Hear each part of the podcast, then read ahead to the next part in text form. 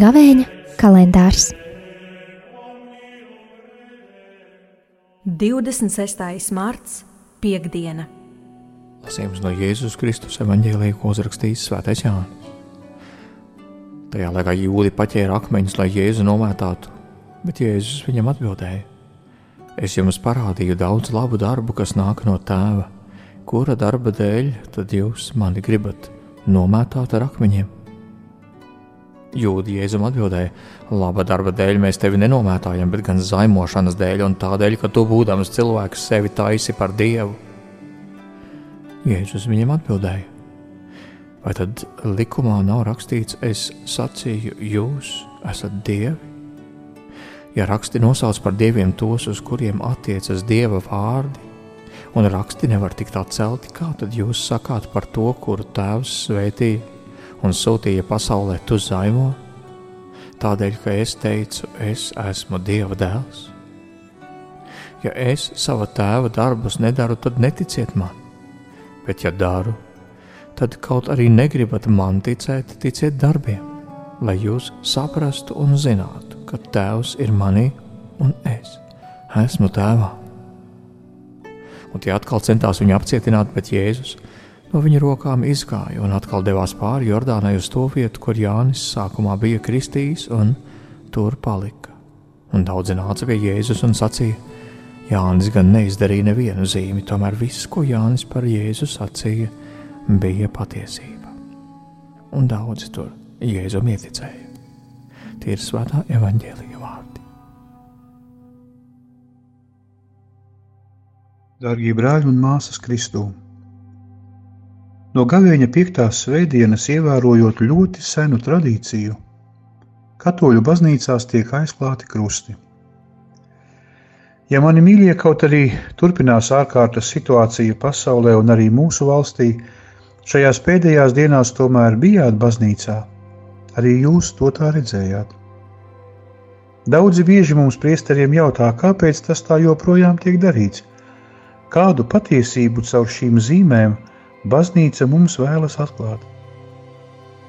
Kādreiz Rīgas garīgās semināra profesors, nu jau mūžībā aizsauktais Dominikāņu tēvs Jānis Aglonietis, vienā no lekcijām mums skaidroja, ka apmēram 12 dienas pirms lielās piekdienas, divas nedēļas pirms Paskas svētkiem, tas būtu pēc mūsu kalendāra Kavēņa 5. svētdiena, jūdu augstie priesteri un rakstu zinātāji, redzot notiekošo, un kāda ir tautas attieksme pret Jēzu, pieņēma galīgo lēmumu: Jēzum ir jāmirst.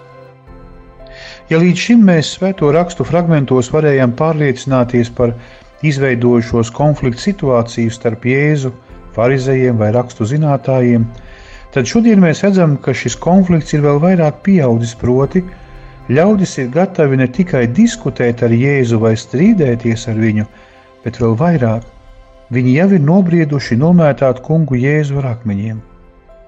Tas viss ir tāpēc, ka viņi vairs nespēja Jēzū saskatīt neko labu. Viss, ko Jēzus dara, viņu acīs izskatās kā likuma pārkāpšana un nepārtraukta dieva zaimošana. Brāļi un māsas, lūksimies, lai Dievs mūs pasargā no tāda garīga akluma. Jēzus cenšas ar šiem cilvēkiem runāt, atklāt viņiem patiesību, bet veltīgi. Jēzus stunda, kā lasām svētajos rakstos, vēl nav pienākusi, tāpēc Jēzus pēc šīs sarunas attālinās no ļaudīm un dodas uz vietu, kur tik auglīgi darbojās un ticības patiesības mācīja svētais Jānis Kristītājs, Jēzus Kristus priekšgājējs.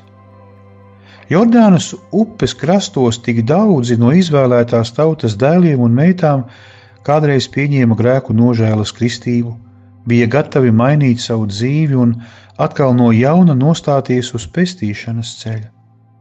Brāļi un māsas, lūksimies, lai Dievs dāvā mums izturību, žēlastību labajā un spēju nekad dzīvē nepazaudēt ticības gaismu. Nezinu, vai esat lasījuši visu Jāņa evaņģēlīja desmito nodaļu, jo tā mums parāda, ka šī saruna, kuru nu pat dzirdējām starp Jēzu un rakstu zinātājiem, nenotiek nekur citur, kā Jeruzalemes svētnīcā.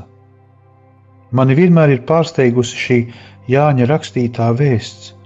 Padomājiet, vai tas ir normāli, ka ticīgais cilvēks – nākot uz svētnīcu somā vai kabatā līdzi ņem akmeņus?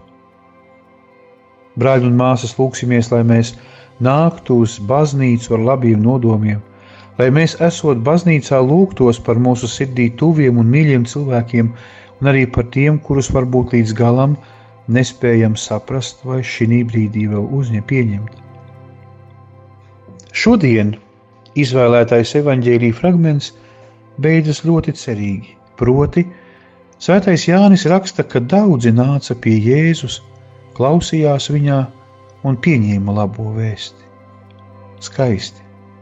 Brāļi un māsas, lūksimies, lai arī mēs piederētu pie tiem ļaudīm, kuri meklē Jēzu, viņā klausās, viņam paklausa un drosmīgi turpinām iet pestīšanas ceļu, kas ved uz debesīm, pretī lieldienu uzvarai katra mūsu dzīvēm.